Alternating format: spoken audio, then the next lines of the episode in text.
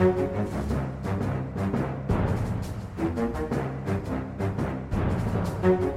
ønsker vi velkommen til en ny utgave av Aftenpodden. Eh, Litt forsinka denne uka, av eh, u på å diverse grunner, egentlig.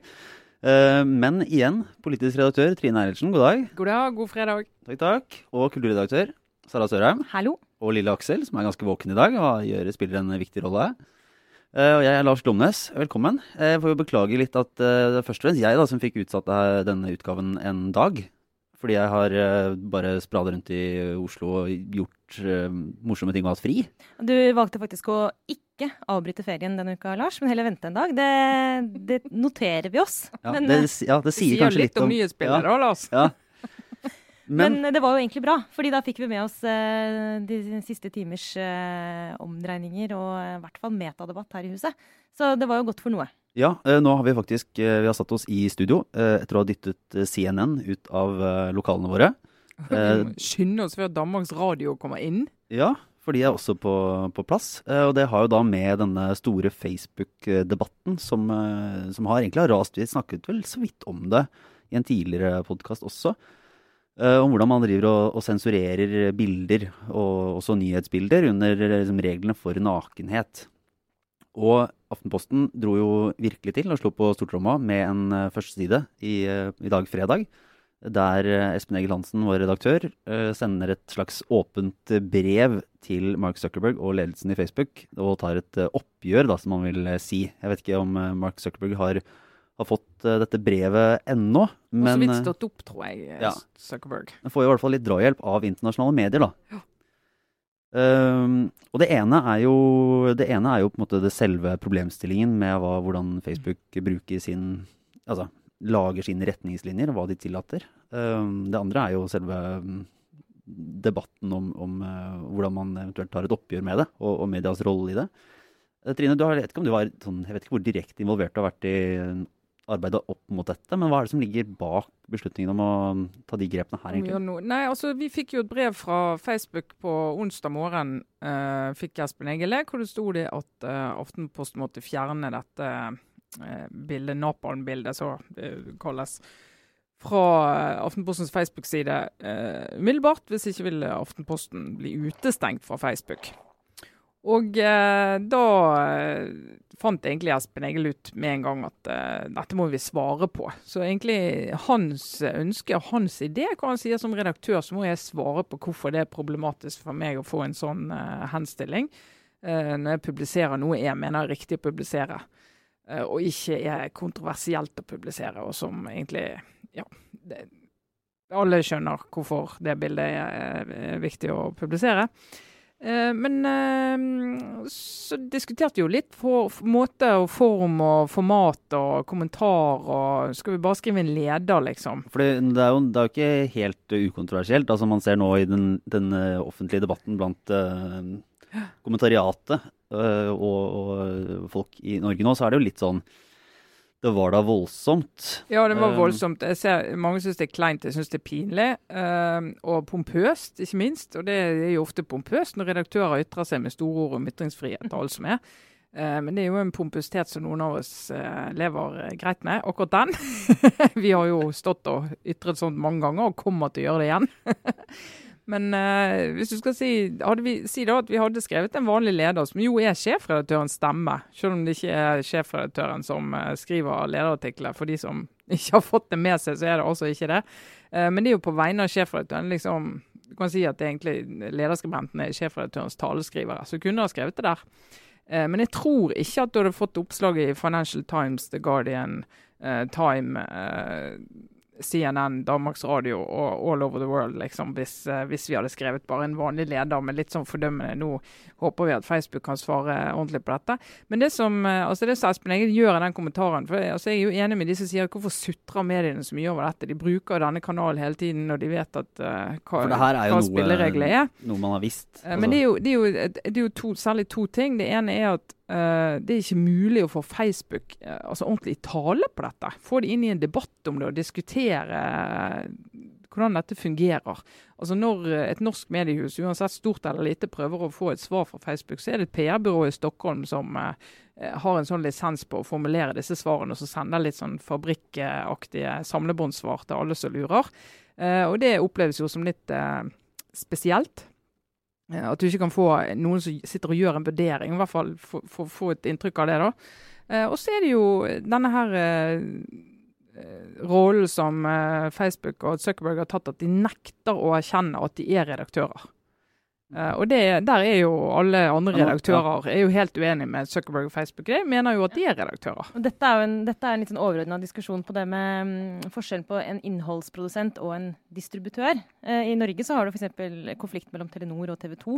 Uh, Telenor som hjelper TV 2 å få ut sitt innhold. Hvem er ansvarlig for det innholdet? det er vanlig at de som driver med distribusjon, holder veldig veldig hardt på at de har ikke noe ansvar for innhold.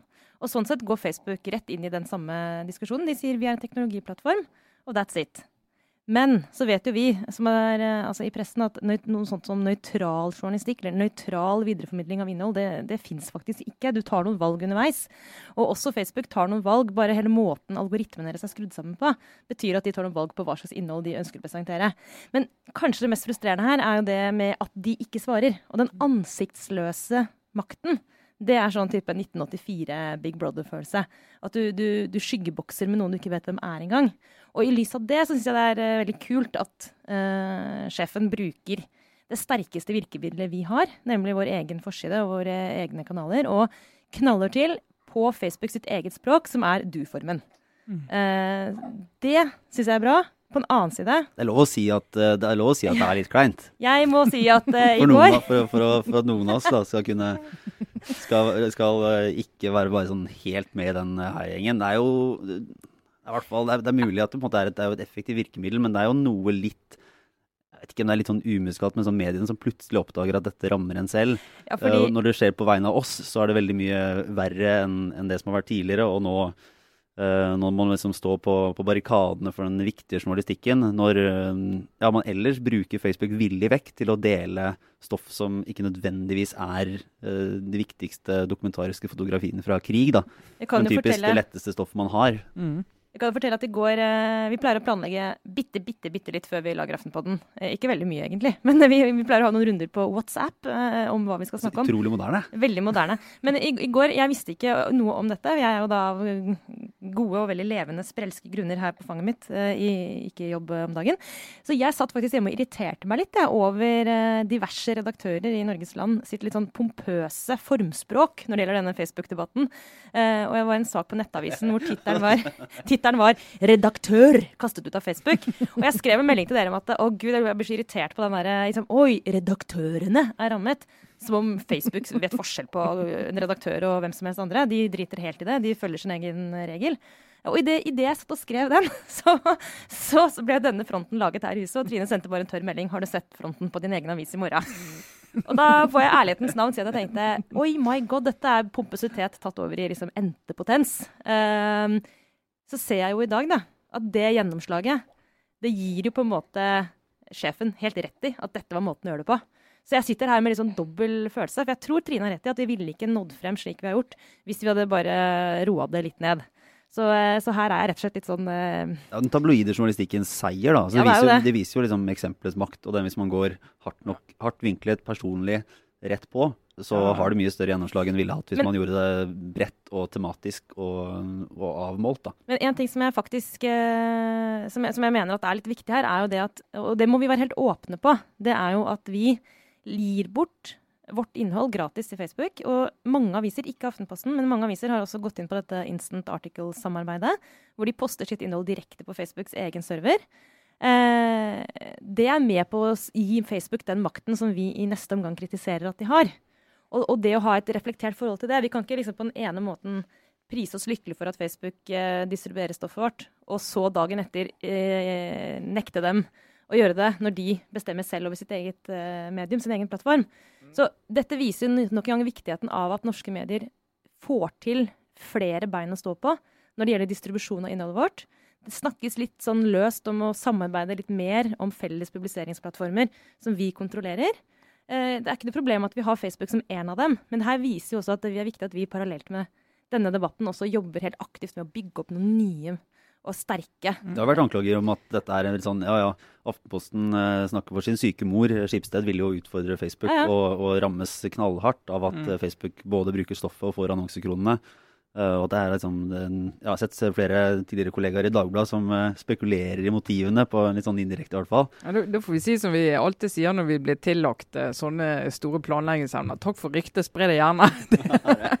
det, det er jo sjelden sånn. Men, men det som er, det, det, synes det er litt sånn Jeg hører flere som sier det at herregud, hvorfor eh, klager redaktørene på dette? De har jo allerede solgt sjelen sin til Facebook og distribuerer masse stoff, og da har de ikke noe rett til å klage. Selvfølgelig har vi rett til å klage. altså Vi må jo problematisere måten eh, og de og alle andre distributører og redaktører og plattformer, eh, de valgene de tar og de reglene de har. altså det, det, det er jo veldig rart. Det er jo ikke sånn ellers i samfunnet at vi sier nei, fordi jeg er uenig med regjeringen, så melder jeg meg ut av Norge. altså Du må jo på en måte prøve å påvirke. Eh, langs de kanalene du kan, og ikke bare si at ja, vi distribuerer her. Vi kjøper alle de retningslinjene. Du må ikke si vi distribuerer her. Eh, vi liker ikke alle retningslinjene, så de vil vi utfordre.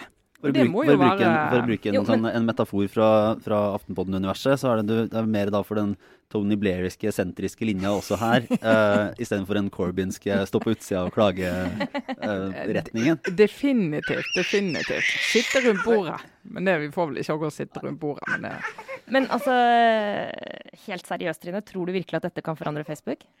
Tror du det? Altså, det er et åpent spørsmål, det er ikke et retorisk et. Mm, altså, det, det jeg håper, da, er at Facebook på et eller annet tidspunkt skjønner verdien av å delta i debatten om sine egne regler. Ja. Så ikke det er sikkert, Jeg tror ikke vi- dette liksom nå og da tenker Mark Zuckerberg å ja, var det sånn det slo ut? For han har jo fått denne kritikken mange ganger før. Uh, men når du ser på reaksjoner og liksom hvordan dette har gått rundt uh, i verden, så kan du jo håpe at du i hvert fall får flere som kaster seg på og sier at vi må kunne forvente at en så mektig plattform For det er jo det det hadde det vært, som du sier, én av tre-fire store plattformer som du kunne liksom shoppe litt imellom. Så du har en viss sånn konkurranse imellom. Der du også vil få en konkurranse om retningslinjene. Så hadde det vært en annen diskusjon. Men Facebook er på mange måter en, en monopolist. Eh, og monopolister de må utfordres eh, hele tiden. Og bare helt til slutt da, på dette punktet her, om ikke annet så kan iallfall vi som er litt sånn papiravisnostalgikere glede oss over at eh, papiravisas front er fortsatt viktig. Fordi eh, når vi gjør sånne grep med Aftenposten, så er det papirforsiden vår som løftes frem som, som det som er det, det ikoniske med det. Og helt uavhengig av innhold, så er det faktisk det er litt deilig å tenke på. Varm, varm, deg- varm deg om hjertet. litt varm om hjertet. Ja. Halleluja. Men uh, det er jo ikke ja, Jeg sitter her som en å være Du er så ung, Lars. Men uh, det har jo skjedd eh, litt Oi! her. Aksel her gir klart uttrykk for at han er kritisk til det standpunktet ditt her. Ja. Hvis dere går over på neste tema, så går jeg og gir han litt nytt eh, skift. Men bare fortsett å snakke, henger med. Mens eh, Sara er ute med lille Aksel, som trengte en pause, så eh, kan vi gå til eh, norsk politikk denne uka, Trine. Mm. Du, har ikke hatt fri, og har fulgt med på fremleggelsen av Høyres nye programforslag. Ja, de, det er jo sesong for det nå å legge frem programutkast. Og så skal partiet diskutere det masse frem mot vårens landsmøte, og så skal de prøve, eller alle partiene skal få seg et stortingsvalgsprogram. da.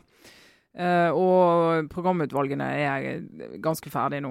Eh, og da la Torbjørn Røe Isaksen, leder av eh, programkomiteen i Høyre, og han Nikolai Astrup, nestlederen, la frem program. De er for øvrig uenige i flere saker, og det er jo symptomatisk. For dette er jo et litt sånn program som Røe Isaksen sier, det spriker i alle retninger. Ja, han, og han prøvde måte nesten å etablere det som et, uh, som et he- en Heders, hedersbetegnelse. hederstegn. Ja.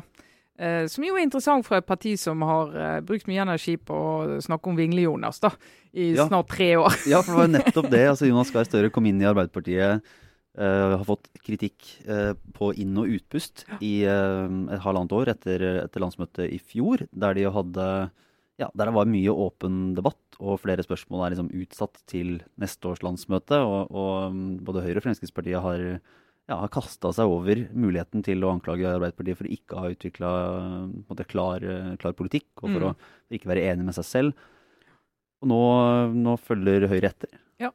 Og det, det kan du sånn Du skal se eh, Hva er det de sånn, er, er mest uenig med seg selv om, egentlig? Nei, altså det er jo, det er jo flere saker eh, så hvor eh, komiteen eller utvalget har eh, et forslag med dissens. Eh, barnetrygd eh, og altså hele denne barnefamilieøkonomien, som er en svær sak, så vi kommer litt tilbake til, er en sak. Narkopolitikk eh, er en annen sak. Um, de har uh, begynt å justere på en del standpunkt de har hatt før Vesterålen Lofoten. Og Høyre har jo hatt formuleringer om at de vil åpne det. Og har nå tatt et steg tilbake og sier de får konsekvensutredning.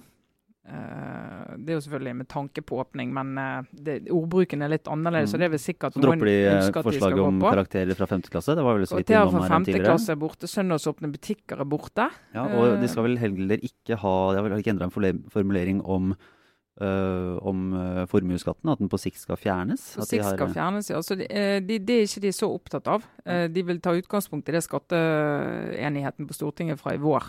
Og, og, det er veldig opptatt av det hva er realistisk å få til.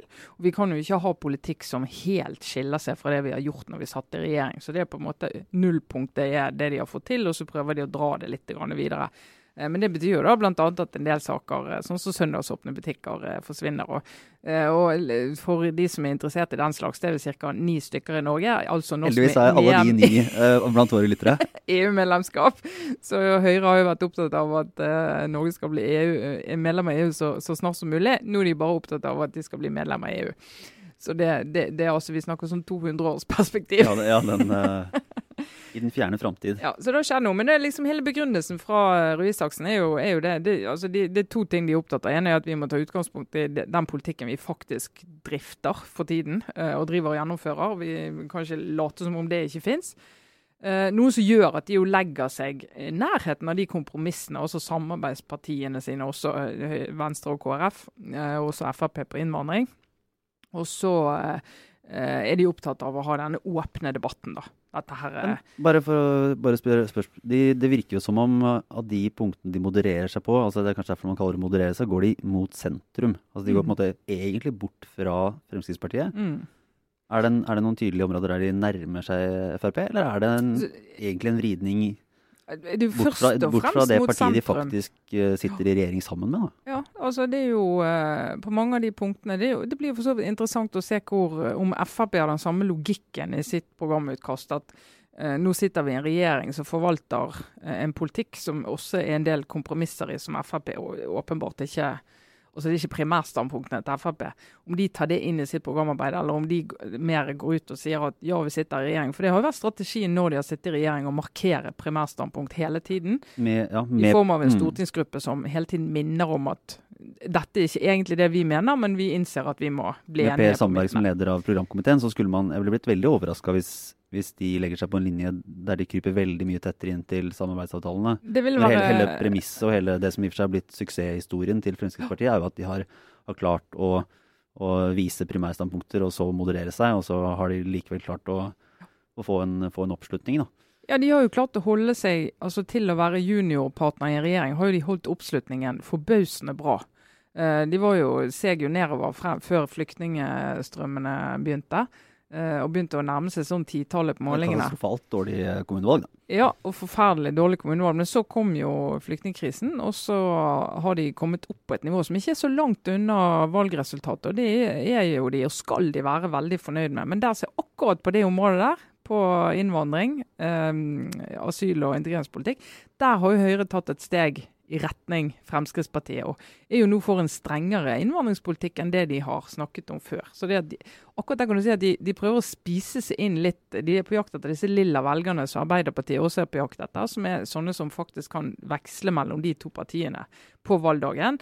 Uh, så er det litt sånn en, del av, en god del av de gikk til Høyre forrige gang, for de syns at ja, de ville ha noe nytt. De, ville ha, de syntes liksom Arbeiderpartiet var litt for religiøse når det gjaldt private løsninger. og det var litt sånn det var en ting de var opptatt av, så de tenkte at Høyre kunne ivareta bedre. Men nå er det akkurat de samme velgerne som sier at jo, altså Høyre, det, det, det går ikke så gale, men jeg syns akkurat den lille vridningen over til litt mer eh, fellesskap og sånn Arbeiderpartiløsninger gjør at jeg faktisk eh, går over streken i, denne andre streken igjen. Eh, og de velgerne der er utrolig vesentlig for Høyre og Arbeiderpartiet å få, få grep om. Det. Så det er litt den konkurransen du ser her. Det blir interessant å se hvor Arbeiderpartiet legger seg, da, om de, eh, de også beveger seg i, i den lilla velger kapringsretningen. Ja, altså for de har jo Mange vil i hvert fall lese det som at de har tatt et steg til venstre etter at de etter at vi fikk en uh, blå, blå, regjering. Ja, Det har vært litt sånn resultat av at debatten har fått lov til å være åpen. For, ja. for der Jens Stoltenberg og de tidligere har holdt en ganske sånn en stram linje inn mot uh, nærmere sentrum, så har måte flere av de stemmene på venstresida fått lov til å uttrykke seg. Da, og, og, i og for seg på landsmøtet i fjor fikk gjennomslag for, uh, for flere ting. Både mm. dette um, kvoteflyktningsvedtaket og også på heroinbehandling og, og, et par andre ting. Så um, det var jo grunnlaget egentlig for, at, uh, for anklagene om, om vingling, eller for det, forsvaret fra, fra, Støre om en god og åpen debatt i partiet. Mm. Ja, og det blir jo vi kan jo se for oss litt sånn NM i vingling nå da, frem til da ja, ja, ja, var det, var det Hadia Tajik som var på Politisk kvarter den gangen den uken med Torbjørn Røe Isaksen og, og, brukte mye av argumentasjonen på, på, at Høyre nå forsøker å stjele Arbeiderpartiets eh, klær. Ja. Så, så, det var anklagen. Ja. Nå kommer Sara Sørheim inn igjen, vet du. Eh, med full kontroll. Det er bra. Ja, men nå måtte babyen ha mat, så det er mulig at uh, min oppførselsstudio nå ville blitt sensurert av Facebook. På grunn av, uh, litt for mye flashing av kroppsdeler. Men så lenge dere holder ut og lytterne ikke ser oss, så skal dette gå bra, tror jeg. Det er, ja, ja. Snakka om før sendinga at vi får sende den, der, den sedvanlige eh, selfien. Aftenposten skal denne, denne uken være helt naken, som en Facebook-protest. Hvis den ikke dukker opp, så er det fordi Facebook har sensurert den allerede. Men uh, vi var egentlig ferdig med, med Høyres uh, programutkast og den, det som kommer, kommer der. Men vi tenkte også å snakke litt om et, andre, et, av de andre store temaene denne uka, nemlig boligprisene, som mm. fortsetter å skyte i været. Og denne uka kom også Finanstilsynet med forslag om nye endringer og innstramminger som skal gjøre det enda litt vanskeligere å få lån, da, for, mm. at ikke, for, at ikke, så mange skal låne for mye. Uh, og det er jo nok et grep som, som, de mener vinger seg fram fordi bankene ikke har fulgt opp tidligere, eller det har ikke hatt noen effekt. Ja, de, de fikk jo denne altså, regelen om at du må ha 15% egenkapital før du kan låne penger til bolig. men at bankene får lov å vise visst skjønn. Og så mener vel Finanstilsynet at de har vist litt vel mye skjønn. Uh, og folk låner over evne, og lånegjeldsveksten er større enn inntektsveksten. Altså vi låner mer enn, mer enn vi tjener. Og da er jo frykten at vi ikke klarer å betjene det og boble og ja. Men er det en reell frykt? Ja, de, de, mener jo det. Og så vil jo i hvert fall vi på denne siden av landet, som ser at det strømmer på med folk og bygges altfor lite boliger, ser jo at det er jo, det er et, det er jo et marked her som svarer på uh, at det ikke er uh, samsvar mellom etterspørsel og tilbud på boligsiden. Uh, men det de har foreslått nå som en enda ny sånn begrensning, da, det er jo at du skal ikke kunne låne mer enn fem ganger inntekt. Husholdsinntekt. Altså hvis du, en, hvis du bor alene hjemme hos deg, så tjener en halv million, så skal du ikke kunne låne mer enn to og en halv million. Uh, og så har du dette egenkapitalkravet. da. Så for det er klart for en del unge altså førstegangskjøpere så er det å kjøpe leilighet i Oslo uh, for 2-2,5 millioner pluss egenkapital, det, begynner, det er ganske krevende. Det er, ikke, ja, det er ikke lett å få til. Ja, For det er jo veldig mange gode grunner til å prøve å gå inn og gjøre noe med det markedet og en, den mulige bobla, som man, bare så det er uh, anført også, har hørt om i egentlig hele mitt voksne liv. Så har man spådd at det nå snur det på boligmarkedet. Uh, men poenget er at det kan fortsatt gjøre det, selv om det ikke har gjort det. Så det er gode grunner til å gå inn og, og forsøke å styre det, vil jeg tro. Men uh, det er klart, én effekt er jo at de som allerede er inne, eh, vi trekker stigen enda mer opp etter oss. Fordi dette nye kravet gjør at det blir eh, for de fleste ekstremt vanskelig, i hvert fall i Oslo, mm. å i hele tatt komme seg på boligmarkedet. Så det får et litt sånn uheldig, usosialt utslag på den måten. Ja, og så er det jo, har jo vært, eh, Noen mener jo at uh, du må se Oslo som et helt eget marked, for det presset her er helt ekstremt. Altså Du har jo økning i andre byer òg, men i Oslo er det helt eksepsjonelt. Uh, og det er jo uh, Vi hadde et, uh, en førsteetasje i et hus oppe i mitt nabolag. Det, oppe i mitt nabolag har det vært de verste prisene i Oslo i de siste månedene, tror jeg. Her, her, sitter jo boligfiffen, da. Her sitter boligfiffen. Jeg har klart å få meg en bolig i Nordre Aker, Sogn. Ja, ja, du er på Briskeby, jeg er på Rodeløkka. før det ble helt ellevilt. Men typisk sånn en, en førsteetasje i et hus der oppe. altså Det er ikke et helt hus engang, det er en førsteetasje på sånn rundt 130 kvadrat, som ble omsatt for under to år siden for 7,8 millioner gikk nå for 11,1 eh, nå i forrige uke. Og vi hadde det huset som noen kanskje leste om, som ble lagt ut for 14 mill. Og, og, gikk for 19. Det, altså det, det, er en enorm sånn eh, temperatur i markedet, særlig de, eh, i den bydelen og på andre bydeler. Og i sentralt, da. Leiligheter sentralt. Det går jo både én og to millioner over takst. sant? Men det som jo er eh, litt sånn i forlengelsen av det, da, helt krise, hvis, hvis det slår ut sånn som det virker som nå, så blir det jo spørsmål til slutt egentlig En ting er noe om økonomi, men noe annet er hva slags by skal vi skape i Oslo. Mm. Eh, det blir etter hvert en by som eh, kan ligne litt på andre storbyer, hvor det ikke bor si, vanlige folk eh, i det hele tatt i, i, sentrum, og kanskje ikke nesten i, før du kommer utenfor den faktiske bygrensen. Og Oslo er i ferd med å altså I løpet av ikke så, jeg husker ikke helt, det er ikke mange år, er det i løpet av 2020-tallet, så bikker vi én million innbyggere i Oslo. Og den befolkningsveksten er eksplosiv, og disse menneskene må bo et sted. Og hvis ikke det gjøres noe drastisk, så får du altså et sånt A- og B-segment i boligmarkedet med et ganske drøyt leiemarked hvor eh, de som ikke har råd til å kjøpe, må, må bo. Så det, det, er sånt, det, er et sosialt spørsmål, ganske enorm, eh, enorme konsekvenser. Mm. Men så kommer vi tilbake til igjen, men hva kan man gjøre? Og nå ser jeg på deg, økonom Trine ja, nei, altså, Det er jo spørsmålet hva kan man gjøre? Altså, hvis det kommer tilsvarende Molde by, da, flytter til Oslo annethvert år. altså Rundt 30 000 mennesker kommer til Oslo annethvert år. Det bygges et par 3000 boliger i året. Eh, så er det jo en glipe her som bare blir større. Eh, men, eh, men, det, men det, vi ser i, i markedet, og, og, som mange vil mene, er at du må bygge boliger som passer til de som faktisk kommer til byen. Og de, må, de, vet vi liker å bo sentralt. og Hvordan skal vi regulere raskere? og ja, Det, det er ting å gjøre med det, men jeg tror ikke det er noen sånn fix på det. og Det med å regulere boligmarkedet det har de gjort i Sverige. De som kjenner folk i Sverige, vet jo det at der har du to boligmarkeder. Sant? Du har det regulerte, altså det helt svarte, rare, crazy hyresrettmarkedet, og så har du det vanlige boligmarkedet. Og det, vi ønsker ikke et sånt boligmarked. Det Men kommer man ikke tilbake til eh, økonomers eh, favorittforslag, altså en boligskatt? Ja, altså, altså er det ikke at skattesystemet er der man må gå inn for å, for å regulere? Bortsett at det er ingen politikere som tør å ta helt tak i det. Ja, for ikke snakke om rentefradrag, da. Ja. Eh, altså, låner, jo mer du låner, jo større fradrag får du jo. Skattefradrag får du jo for rentene du betaler. Og det vil jo noen av oss mene er en helt uh, absurd uh, ordning. Og vi som har uh, vært innom økonomifaget, vi tar legg til det også.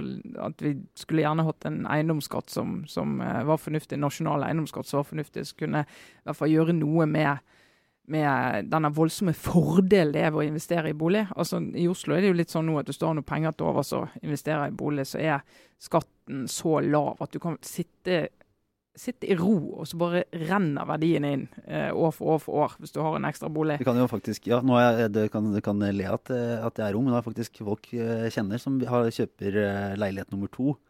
Og selvfølgelig da bidrar litt sånn motvillig inn i, ja. inn i denne karusellen, da, men det er bare det er en så Eh, til nå har det vært en så, så god investering at, det er så at, lukrativt. Men hvordan kan man få bolig... å la være, da. Ja, For å få bolighaiene ut av markedet, eh, om det går an å gjøre uten å ty til helt sånn kommunistiske eh, grep. I for eksempel, altså, det finnes jo altså, i København, i Berlin, en del andre europeiske byer, så har de forskjellige regler som gjør at du må, du må for det første bo i leiligheten for å få kjøpt den. Mm. Eh, men det fører også til eh, noen litt rare utslag. Men det hadde vært, tenk, altså, hvis man ser for seg på et litt mer idealistisk nivå Oslo uten boligspekulantene, da har, du, da har du en mye finere by. Altså det er et kjempeproblem, sosialt og økonomisk for vi som bor her, at man har, eh, at man har den høye graden av boligspekulasjon. Men nå ser jeg Trine rynke på øyenbrynene, for tenker Å, herregud, hva er det Sara fabler om nå? Nei, nei, nei altså det, det, jeg, bare, jeg, bare, ser og legger merke til rundt meg òg. Er en sånn effekt av at markedet er sånn som det er nå. Det, det ene som en fortalte meg i går, det er jo det at dette er jo en kjempemulighet for sånne banker som Bank Norwegian og de andre bankene som ikke er sånn klassisk DNB og Sparebank1 og sånn. Uh, for det som skjer nå er at du går til DNB og så får du et lån som uh, ja, fem ganger inntekt. Og så går du til Bank Norwegian og tar sånn forbrukslån eller topplån på det, som har mye høyere rente. Men i snitt fordi renten er så lav, så blir det en ganske lav rente på det. sånn at du det, det, blir skapt et marked for, for de andre bankene, eh, som kanskje ikke har den og krav på seg til å ha den type risikovurdering som eh, de andre har. Eh, og det andre som skjer nå, ser jeg, det er jo at folk sitter Det er, så, det, det er en, sånn, altså en sånn vridning i det markedet, en sånn perversitet i det markedet, eh, som gjør at hvis jeg skal selge huset mitt i dag, så vet jeg at det er så vanskelig å få tak i et nytt et. For noen år siden var det sånn at du kjøpte ikke før du hadde solgt, for å vite at du hadde penger til å kjøpe en ny bolig med. Så da solgte du først, og så gikk du og hadde de pengene du visste hvor mye var, og så kjøpte du nytt. Men nå sitter folk på boligen sin, og så går de heller og kjøper en eh, bolig til hvis de får tak i den de har, fordi de har fint råd til å ha litt sånn dobbel uh, gjeld en periode. Uh, og det gjør jo at da blir jeg sittende på min bolig, jeg får ikke den ut i markedet. Og så er det mange som er ute på jakt etter samme bolig som meg, så går det tregere før jeg får tak i ny bolig. Og så, og så stopper liksom markedet litt opp. sant?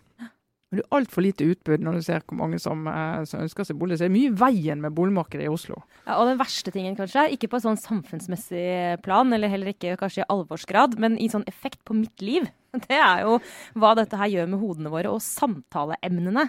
Altså, ja, det er faktisk det verste. Ja, altså det er så, BOA, sykdommen heter det. BOA, som er en pest som har rammet hele vår generasjon, som har vært der i årevis. Hvor samtalen oss mennesker imellom er så materialistisk ofte. Se for dere et middagsbord med helt vanlige norske par. Det er, for å sitere Gerli Volla, det eneste man har å si til det, er 'æ spyr' av å tenke på hvor mye vi snakker om downlights og eh, gulvbåren eh, varme. Og nye og takster og Ja. Ja, men fordi det blir en så ekstremt viktig uh, del av livet. Fordi investeringen er så enorm, og innsatsen er så enorm for helt å skaffe seg et sted å bo, at vi blir uh, det, fyller, opp- det fyller oss. Vi blir ekstremt opptatt av interiør og hus og hjem, og det gjør oss til kjedelige mennesker. Og hvis vi legger på da småbarnstilværelsen i tillegg, eh, og bleiesnakk og sånn, så eh, ja. Hello, meningsløshet. Og, og at du har sett eh, boligannonsen til eh, Fotballfrue. Det er klart, det blir det mye, Sara. Ja, jeg hadde det- tenkt å ikke snakke om fotballfrue denne, denne sendingen her, så jeg skal gjøre det veldig kort. Den eh, boligannonsen for huset på Siljan som eh, hun skal selge nå, det mener jeg er kanskje det punktet hvor det pika. Altså hvor overfladiskheten i det norske samfunnet, hvor oljesmørte eh, Hva skal jeg si, for noe? Den oljesmørte hjerneskaden som en hel generasjon har, den, den, er, den er uttrykt i 100% i Essensen av det finner dere i løpet av de to minuttene som er en videoannonsen til Fotballfrue og Fotballfruemannen. My god. Til og med er barnet brukt som rekvisitt. Det lille søte barnet. Eh, på samme linje med en vase så har de plassert et barn på gulvet. som sitter og vinker i sånn prinsessekjole og leker med noen greier. eh, som jeg er sikker på øker liksom, verdien av det huset. Altså De bruker ungen sin til å selge huset sitt. Yes. Takk for meg. Ja, vi bruker ungen din til å selge Aftenpodden, men det mener jeg er innenfor. Det singler i glass, men det må det gjøre i denne bransjen her. Så vi bare går elegant videre. Det singler i glass i hvert eneste segment. Ja, ja. Nei, men eh, vi må, vi må nesten eh, begynne å, å runde av. Men vi skal ha litt eh, obligatorisk refleksjon inn i helgen. Der noen, av, noen av dere skal ha fri. Jeg skal i gang med arbeidsuka. Eh, Trine, Ja, jeg har redaktørvakt i helgen, Ja. så da skal jeg tenke på følgende. Nei, altså, ukens eh, eh, Dette har jo irritert meg lenge. Det er jo fraværsgrensen. Og det som har irritert meg, er jo det du og sinnssyke 18-åringene som er forbanna. Ja, det er det. Og der, der, nå kommer jeg til å legge meg ut med alle 18-åringene. Uh, og dette er jo emo- emo-generasjonen, og de har det ikke lett og alt det der.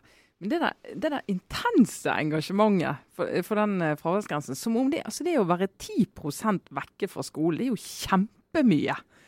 Og, liksom eh, legge det frem som om det skal være en menneskerett å surre rundt og ikke oppgi hvorfor du er vekke fra skolen. Nei, vet du, jeg kjenner det provoserer meg. Eh, Heldigvis fikk vi skrevet en leder om det i vår, og jeg lurte på om vi skulle gjøre det igjen. Men så tenkte jeg nei, nå skal vi vente til vi har fått litt mer fakta om hvordan dette funker. Tross alt, pust gjennom nesen og vent litt på noen tall. Og ikke bare kaste oss på at ja, nå går alle ungene til legen og skal ha sykemelding. Gå, eh, gå til legen for å få sykemelding fordi du er forkjølt et par dager, og så fordi du er redd for å få fravær og du skal løpe ned legekontoret for det. Eh, Og det må de jo eh, få justert, at ikke det blir en stor byrde. Men liksom prinsippet, at du ikke skal ha en fraværsgrense på skolen, det er jo helt absurd. Helt absurd. Om den er 15 eller 10 jeg tror vi har gått inn for 15. Det er jo ikke så viktig, men det er jo prinsippet.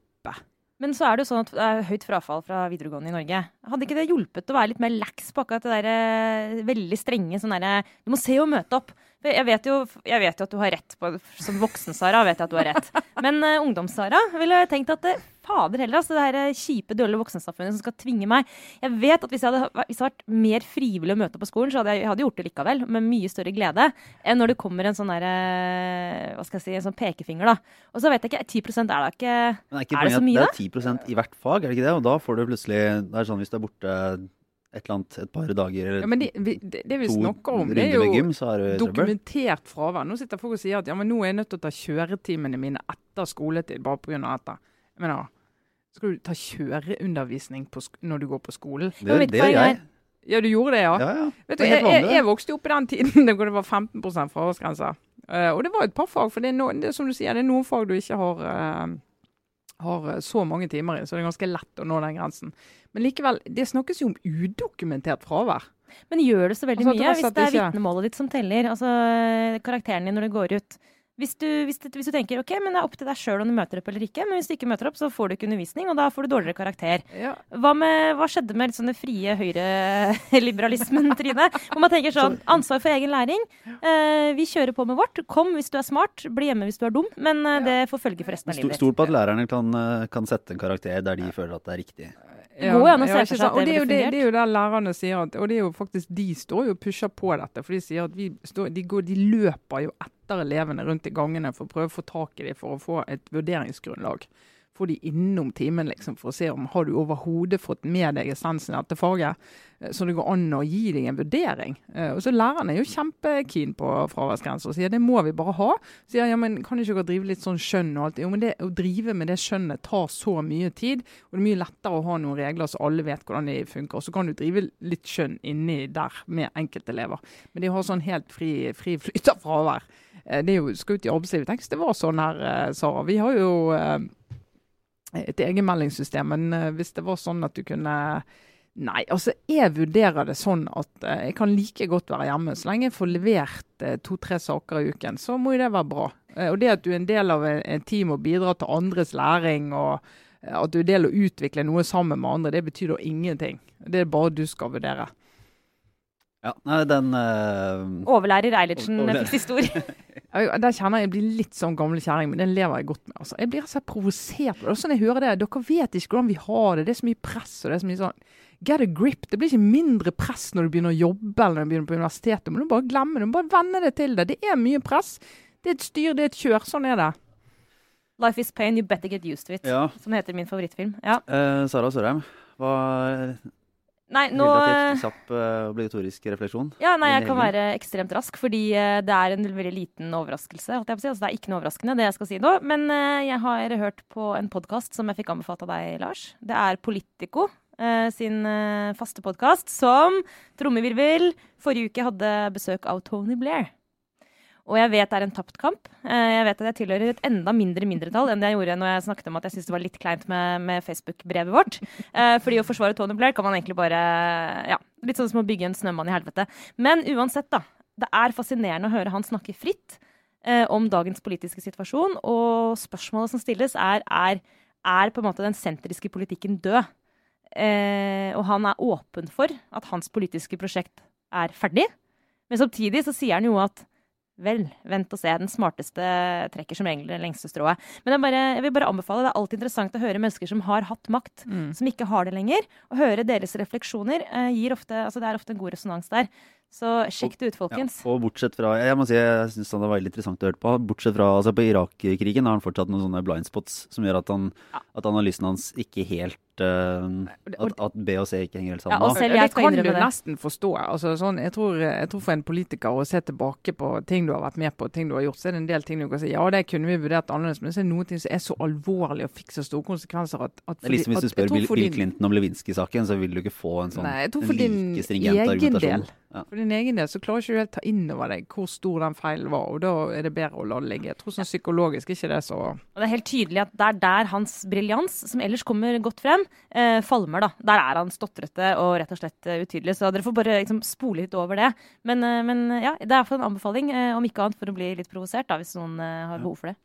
Jeg skal ha en litt en høykulturell obligatorisk refleksjon, da, som jeg villig vekk vil snakke med folk om gjennom helgen. Eh, nå skal jeg ikke påstå at jeg er forut for noe som helst. Uh, for det jeg egentlig skal, skal, slå et slag for, er, er 'Fugletribunalet' av Agnes Ravatn. Altså både boka, som jeg leste tidligere i sommer og var kjempefascinert av. Jeg syns den var, var knallgod. Den kom jo i 2013, men da, jeg, jeg, er ikke helt avantgarde på det her.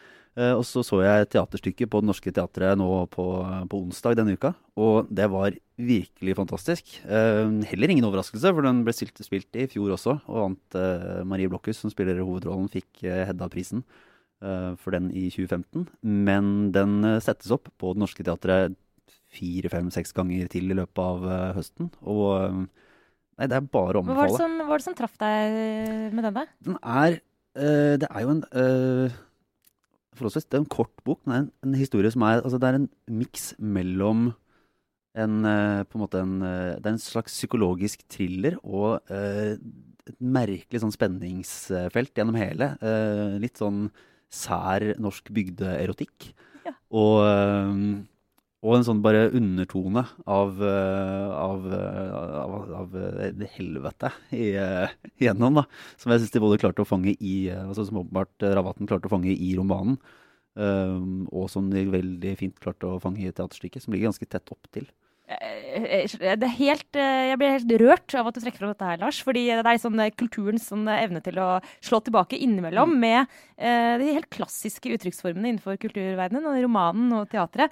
Eh, det fins noen penner og noen stemmer i dette landet som virkelig kan bruke de arenaene for alt det er verdt. Og Agnes Ravatn, kanskje den beste skribenten og pennen vi har, i hvert fall i, i hennes vår generasjon. Jeg har jo på hun. Les alt hun har skrevet. Det er veldig bra. Hun er fantastisk å høre på. på sånn, jeg hørte sånn forfatterintervju på podkast òg. Hun har en helt sånn utrolig herlig måte å snakke på. Eh, Stemmen og måten hun resonnerer på. Altså Agnes Ravatn i alle kanaler. Så egentlig det var to ting. Den ene var jeg er litt usikker på om jeg skal si. Uh, men jeg må det likevel, for det var bare for sånne politikknerder. Hvis man har lest den boka, så da jeg så for meg han, altså han Bagge, han ene mannlige hovedpersonen, så så jeg Ola Borten Moe. Da, det tror jeg var, eh, dette, dette viser at du er et sykt, sykt sinn, eh, Lars. Nå, vil må vi lese den boken en gang til sammen. Det innser jeg. Og så var jeg egentlig bare litt, uh, litt overraska over at også de som var og så dette stykket, var, det var nesten bare kvinner. Og det var en, altså en snittalder som var altfor høy. Det var litt sånn her Folkens, uh, kom dere opp av sofaen, da. Netflix er nå én ting, men eh, det fins andre formater. Eh, Lars, dette er det vi beskriver ellers her i huset som kjerneleseren. Så Ja, altså, ikke noe galt om dem, de har åpenbart eh, bedre koll enn de aller, aller fleste. Men eh, med det så tror jeg vi kanskje får eh, runde av for denne uka. Vi, eh, det ble ikke helt kort denne gangen her heller. Nei. Og så må vi si det at eh, reformhjørnet har vært etterlyst. Eh, og ikke minst Jens Kiel i Klassekampen etterlyser litt eh, regionreform. Eh, det er vår dårlige samvittighet. Stå på listen, det kommer. Det, kommer. Ja. Det, deres ja, venten er ikke, er ikke forgjeves en dag. Men uh, takk for nå. Eh, Trine Eilertsen, Sara Sørheim, lille Aksel og jeg er Lars Glomnes. Ha det bra.